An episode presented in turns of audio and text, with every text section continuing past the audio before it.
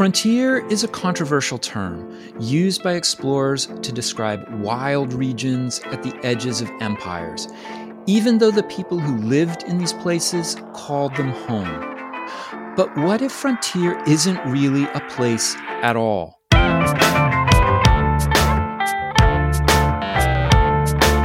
It's time to eat the dogs. I'm Michael Robinson. Today, Benjamin Hopkins talks about the concept of the frontier, how it's not just a place on a map, but a set of practices used by colonial states around the world. Hopkins is an associate professor of history at George Washington University.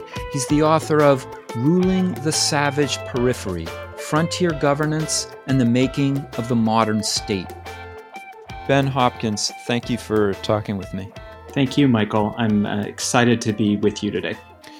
You begin your book talking about British India and, and the status of the borderland regions, uh, a region called the Northwest Frontier Province, which would be in modern day Afghanistan.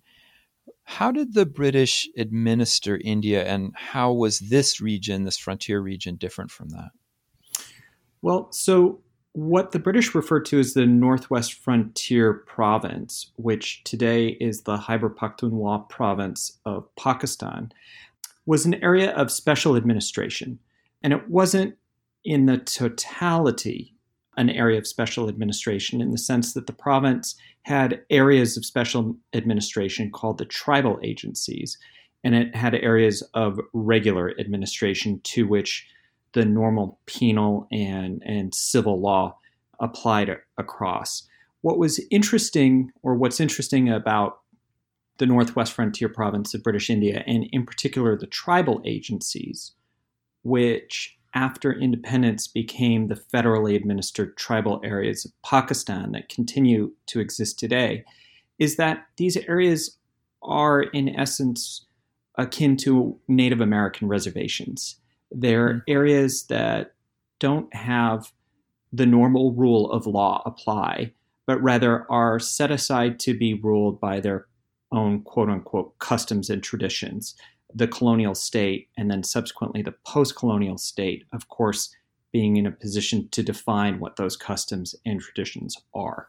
So, would the the colonial regions of India be administered according to British law, and these frontier regions followed a separate code of justice? So, the first thing that you have to remember when talking about colonial India is that it's a myriad of laws that often overlap, sometimes intersect. The only type of universal law that you would have apply really across British India is the Indian Penal Code, which is passed in 1861. But the tribal areas that I'm talking about are not exactly subject to the Indian Penal Code. In terms of civil law, and this marks not only the British Indian Empire, but much of the British Empire and many European colonial empires of the time. Civil law is actually communally specific. So, different communities that are governed by imperial authorities had their own personal law, law that would govern marriage or contracts or things like that. So, the only real universal law you would have across British India would be the Indian Penal Code. You make the case that oftentimes uh, this frontier and frontier regions in general are framed as this wild or independent region, but you argue that it actually really doesn't exist as an independent region. I was wondering if you could describe what you mean. So, the frontier region of British India that I'm talking about was actually the inhabitants rather than the region, and this is kind of interesting in and of itself, were referred to as the independent tribesmen by mm. uh, colonial authorities. But we can see these kind of tribal reservations, as it were, or frontier spaces of anomaly that are replicated both around British India. You see similarly situated spaces in Northeast India.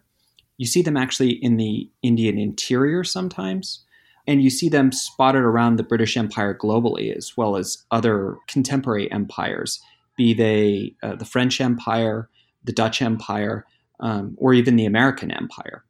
You uh, you just made this uh, an interesting point here that frontiers are framed by colonial officials in terms of people, and I was thinking that's interesting because I think for so many people who study or who read about travel and exploration, we often think about frontiers in geographical terms.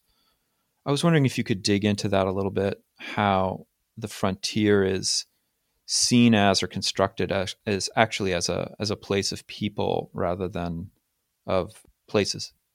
Yeah, well, I mean, frontiers.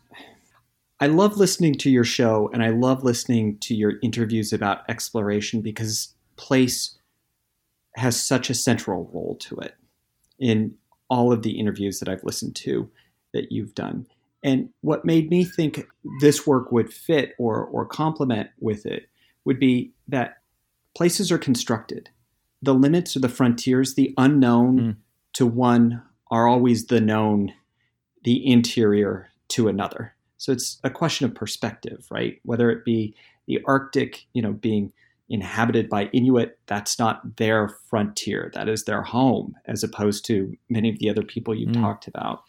And so, too, it's true with, for instance, the borderland frontier spaces that I discuss in my work.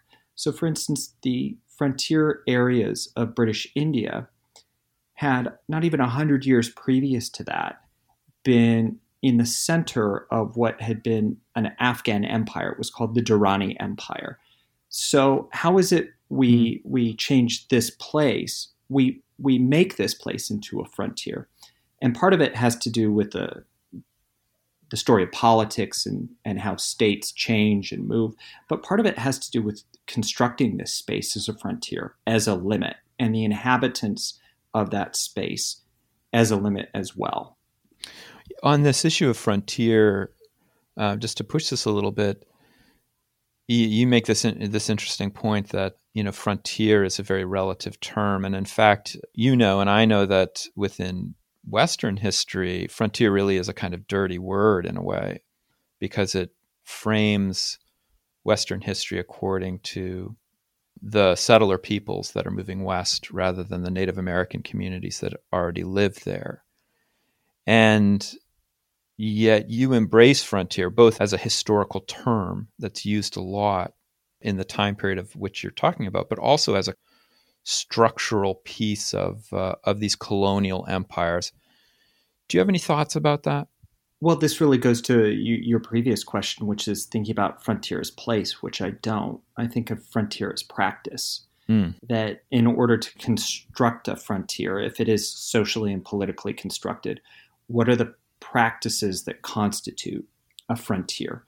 And the argument I make in the book is that there is a discrete set of practices when taken in their totality, because these practices happen elsewhere, but they don't come together as a collective the same way they do in the place that becomes the frontier.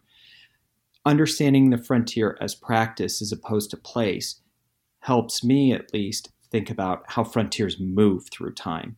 So, for instance, you bring up the issue about the, the kind of rolling frontier of westward expansion in the United States, which also gets you know replayed in other settler colonial environments through the course of the 19th century.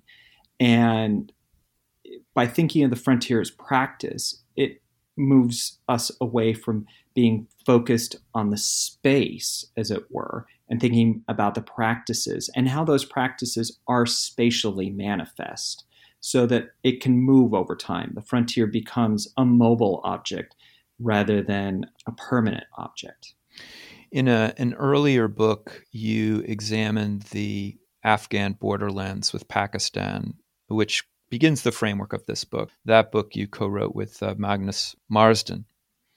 And I was wondering how in this book you, or why in this book you decided to expand your your frame of reference to look at um, as you mentioned, uh, Native American reservations and Argentina, for example, and its expansion into the Pampas and Patagonia. So, this is a lovely um, story from the archives, actually, which is I remember sitting in the um, India Office Records in London at one point and reading a dispatch from a, um, an officer on the northwest frontier of British India, who was writing to his superiors, very concerned about what was a qawwali, which is a Sufi practice of, of singing and dancing.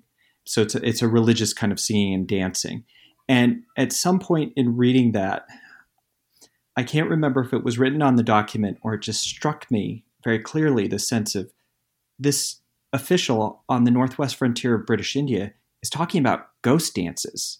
And he's concerned about ghost dances. And this is at the same moment that it would have been going on with the Lakota Sioux in the United States. Huh. And so I think that moment really crystallized for me the idea that while the details are particular, for instance, on the northwest frontier of Afghanistan or for the Lakota Sioux, the, the broad contours of the story are not dissimilar which brings up all kinds of questions in my mind, which I don't think are fully resolved in the book. Why are they the same? Why are these people yeah in a similar situation? Well, in fact, yeah, you kind of anticipate my question, which is it sounds almost like with certain cases, these are almost things that grow up organically in certain contexts, colonial contexts, but there are such structural similarities between the two and and you actually say that there are a variety of ways in which colonial powers could deal with regions. They could tame them. They could try to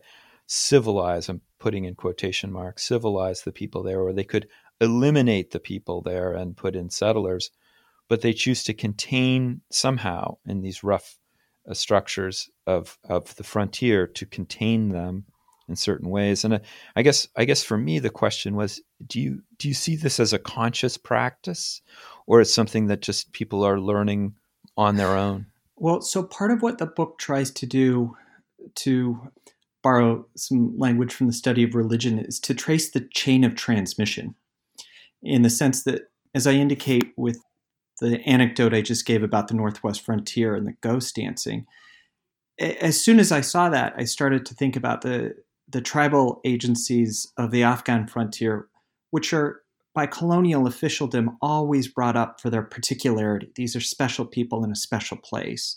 And yet, they look so much like so many other corners of both the British Empire. And so, tracing that chain of transmission, how are the governing practices, what I call frontier governmentality, transferred around the rim of the British Empire? But then, how is it actually transferred across imperial spaces, out of the British Empire, for instance, into the American context or into the Argentine context, as I show in my book?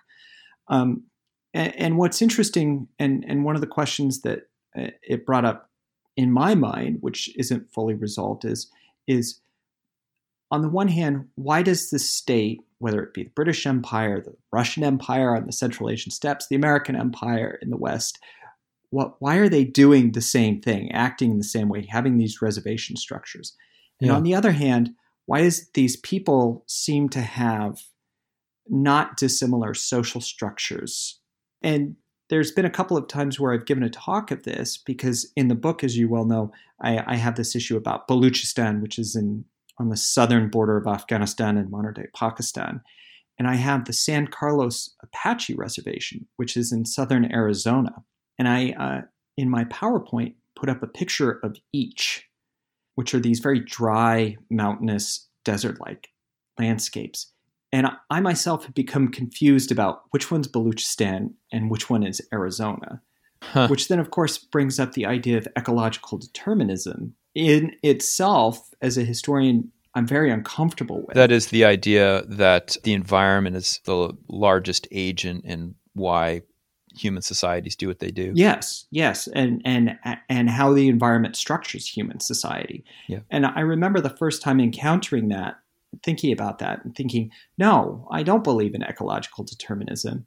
But then thinking on reflection, actually, I think one of the problems with myself as a historian, for sure, and I think of the field more generally, is that we haven't taken the limits of environment as seriously as we need to on the structuring of state power, of human society, and of state practice. You know, I was wondering how this would shape the people who see themselves as explorers and who venture into these regions. in, expressly because they are seen as different from the the colonial interior and what they would make of these distinctions about the the way that people are governed. I, I don't know if you had any thoughts about that. Yeah, I, well, number one, I think these spaces attract a particular personality of officialdom. I mean, especially within the British Indian context, for instance, going back to the Afghan lands, it was a particular group of colonial officers that saw themselves as frontiersmen, and and there there was a kind of esprit de corps and a paternalism that went with being that we know our people and we govern them well, and so I think there was a definite mentality in all of these imperial spaces about the kind of administrators that would seek out to take these spaces, to take these kind of assignments. So I think that's one point. But I think the other point is in the British, but also in these other contexts, there's a firm a firm sense of the historiosity of what they're doing. And what I mean by that is the first British ambassador to the court of the Afghan kingdom goes up in 1808, 1809. And this actually I write about in uh, one of my previous books, which I had not returned to intentionally for this book, but I remember going back to the papers of this envoy. His name was Mountstuart Elphinstone. And mm-hmm. as he was going up to the frontier, he was doing what we all do in the sense of trying to familiarize the unknown, domesticate it by relating it to his known. So he has, you know, a, a, model, and most of his model is actually he's lowland Scottish nobility. So he looks to the hills uh, where the Afghan tribesmen live and says, "These are like the Highland Scottish clans of my own home." Huh. Wow. But one of the interesting things he's got as well is as he's going up, like a well-educated colonial official of the Scottish Enlightenment, is he, he's reading his Roman writers. In particular, he's reading Tacitus oh, Germania, yeah. which Tacitus writes in the first century uh, of the Common Era, and it's basically a blueprint of how the Roman Empire deals with the Germanic tribes on its limits. And this becomes a kind of blueprint that is, in many ways, consciously and unconsciously replicated by these frontier administrators, both in British India and further afield. You mentioned that you feel that the frontier exists as a set of practices. That's the best way, the best framework for understanding it for this kind of project. I was wondering if it if you feel that the these parallels of practice also exist at the level of of myths about the frontier. And I was thinking, and you mentioned this in your book, Frederick Jackson Turner, the American historian who writes a very famous essay on the frontier in the late, I think it was the 1890s, in which he basically says the American frontier is a way in which the uh, U.S. democracy will rejuvenate itself by constantly coming into contact with these uncivilized and difficult places. We will have to innovate in order to uh, rejuvenate our society. And I was wondering, and you bring up that in fact Turner is not alone. There are parallels in the work of Sir Bartle Frere in Britain and Domingo Sarmiento in, in Argentina. Did those did those men also write a, a kind of myth of the frontier, or what what is their work like? Oh yes, definitely. There's a, I mean, the frontier holds a place in the political imagination of the late 19th century, whether it be in the form of manifest destiny of the United States or the kind of rejuvenative possibility of the frontier for a political project, that this is the place you can go prove yourself as a young nation. This is the place where you can go expand as a new country, or this is the place where you can personally prove your courage as an administrator or official. I mean, Turner's essay in 1893 about the closure of the American frontier is deeply imbued with the possibility of the frontier actually having this opportunity for creative destruction. He talks about how the frontier is where the European goes to be destroyed by the frontier, and from that destruction, a new man is created, an American. and you, see parallels in the writing of Domingo Sarmiento, who writes a very important book in Argentina and becomes one of the early Argentine presidents. And as you also point out, um, Sir Bartle Frere, who's a British imperial administrator, who cuts his teeth both on the frontier in, in British India, but also in South Africa, deeply imbued with these ideas. And, and those ideas are also tied up with ideas about civilization. And the frontier is a space of planting civilization in an otherwise barbarous and savage space amongst a barbarous and savage peoples. As I was reading your book, it reminded me a little bit of an interview I conducted with Andrea Pitzer about a year ago, and she wrote a global history of concentration camps.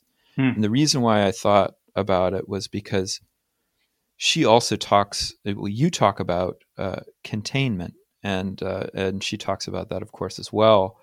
And that there's a kind of parallel structure in terms of when this starts to happen. So she begins her project with the American Civil War, and for her, it's a kind of moment, I think, that happens, the kind of development and origin of concentration camps, in part because societies, industrial societies, now have the capacity to feed and contain all of these people. So there's a, a way in which it has to happen in the 19th century. And I was wondering if that was true of your project as well, that this kind of frontier can only exist in the 19th century. It, it couldn't have existed earlier. Yes. The 19th century and forwards. And the reason for that is because in many ways this is this is a book first and foremost about states and state making. And I think that in particular the examples that I explore, whether it be the, the British Indian frontier on the northwest or whether it be the Apache reservation in what is then the Arizona territory or in South Africa or are they on the Argentine Pampas? What really struck me as I was putting this book together is the very narrow time period in which this happens. That basically this all happens in the mid 1870s, uh, with the latest example I bring in my book being a replication of the law that comes up in the 1870s being replicated in Kenya in 1934. So it's actually a, very compressed time period. And I think that what you see there is a story about state abilities and state ambitions, what states can do and how it can affect these spaces. And this goes to one of the things about the frontier being a space and how it's governed, this kind of frontier governmentality that I talk about in the book, which is that these are spaces excluded from the normal administrative architecture of these colonial or indeed national states like the United States and Argentina. And while part of the reason they're excluded is a kind of rudimentary cost benefit that the spaces entailed by the frontier are spaces that will cost more to govern than they will return in potential tax revenue. It's also not a model of administration for states that are weak because this model of administration is based on a maintenance of difference that the inhabitants of mm. the hmm. frontier are different than the subjects of British India or than American citizens. And states have to have an ability to maintain difference in order to rule by frontier governmentality. You mentioned that this project has a particular historical moment when these this construction of the frontier happens in the 19th century but you bring it up to the present quite a bit in talking about contemporary events from for example the rise of Boko Haram or the capture and killing of Osama bin Laden and the ways that they connect to these stories from the 19th century. I was wondering if you could talk about the links to some modern day conflicts and how you see them grow out of this construction of the frontier? Well, so I begin the book by by thinking about a couple of kind of spectacular examples uh, of violence. The the three incidents I I anecdotally start the book with are the uh, kidnapping by Boko Haram of the 276 girls from Chibok in northern Nigeria, the attack on the Army Public School in Peshawar, which kills 145 people, including 130 students, and the attack on Garissa University by Al Shabaab. Garissa University is in Kenya, but obviously Al Shabaab comes out of Somalia. This all happens within a six month period of one another in uh, 2014. And on the one hand, political commentators, I mean, I'm in Washington, so I hear this a lot about the, the idea that these places are connected on, you know, the war on terror, which is still ongoing, though we forget about it, or some sort of, you know, uh, fragile state index, as it were, which foreign policy continues to publish. And as I look at those spaces, I think as a historian, no, these spaces are not exceptional by any means, but they're there by design. Huh. And that design is constructed in the late 19th century, the moment when these states are putting themselves together. And more broadly, the international system is putting itself together in a state based order. And these are spaces that had formerly been well integrated into regional political economies and through changes wrought by the 19th century are excluded by a globalizing economy. So they're the kind of leftovers. And they're the problematic leftovers that I think remain problematic uh, right through to today. The spaces I examine are all poor, generally violent, and generally forgotten about or thought of as troublesome by not only state authorities, state national authorities, but also by the international community. Ben Hopkins, thank you so much for talking with me. Thank you, Michael. It's been a pleasure. That's it for today. The music was composed by Zabrat. Make sure you check out the Time to Eat the Dogs website podcast links and other exploration related stuff. And if you get the chance, please take a minute to rate and review the show wherever you get your podcasts. It really helps make the show visible to new listeners. And if you want to recommend a guest or make a comment, feel free to contact me at time to eat the dogs, that's one word, lowercase, at gmail.com. See you next week.